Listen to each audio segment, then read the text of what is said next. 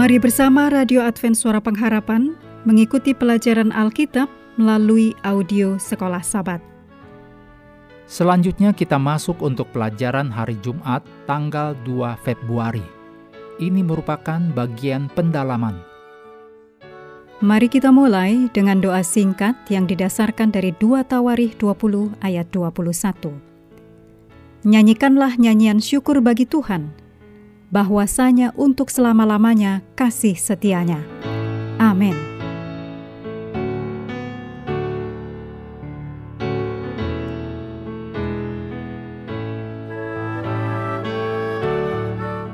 Silakan baca Mazmur 56, juga tulisan Ellen G. White, Bersuka cita dalam Tuhan, dalam langkah kepada Kristus, halaman 196 sampai 219. Seperti pemazmur, umat Allah selalu bertanya-tanya bagaimana menyanyikan lagu-lagu Tuhan di negeri asing. Kadang-kadang, iman kita pada pemerintahan Tuhan yang berdaulat ditantang, dan kita dapat merenungkan apakah Allah memegang kendali dan benar-benar berkuasa dan mulia, seperti yang dikatakan oleh Alkitab. Iman Alkitabiah sering kali menyiratkan ketidakpastian dan ketegangan, sama halnya dengan keyakinan dan ketegasan.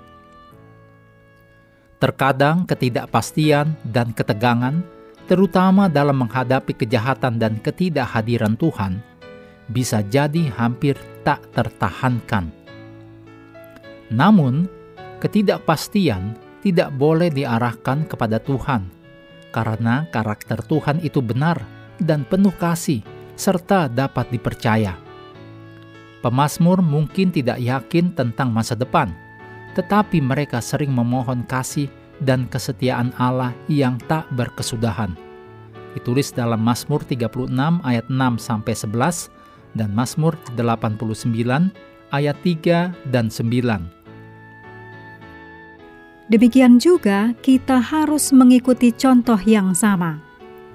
Berikut ini kutipan dari Testimonies for the Church, Jilid 5, halaman 578-579 kumpulkanlah semua kekuatanmu untuk memandang ke atas, bukan ke bawah pada kesulitan-kesulitanmu. Maka dirimu tidak akan pernah menjadi lemah di tengah jalan. Dirimu akan segera melihat Yesus di balik awan, mengulurkan tangannya untuk menolongmu.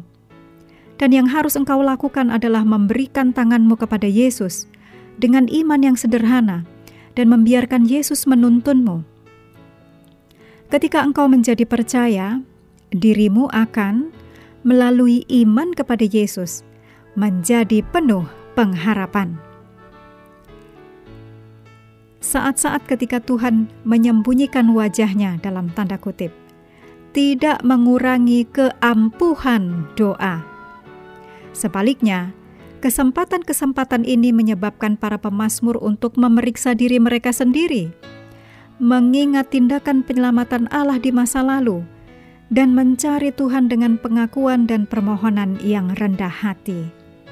Mazmur 77 ayat 10 sampai 12, Mazmur 89 ayat 46 sampai 52.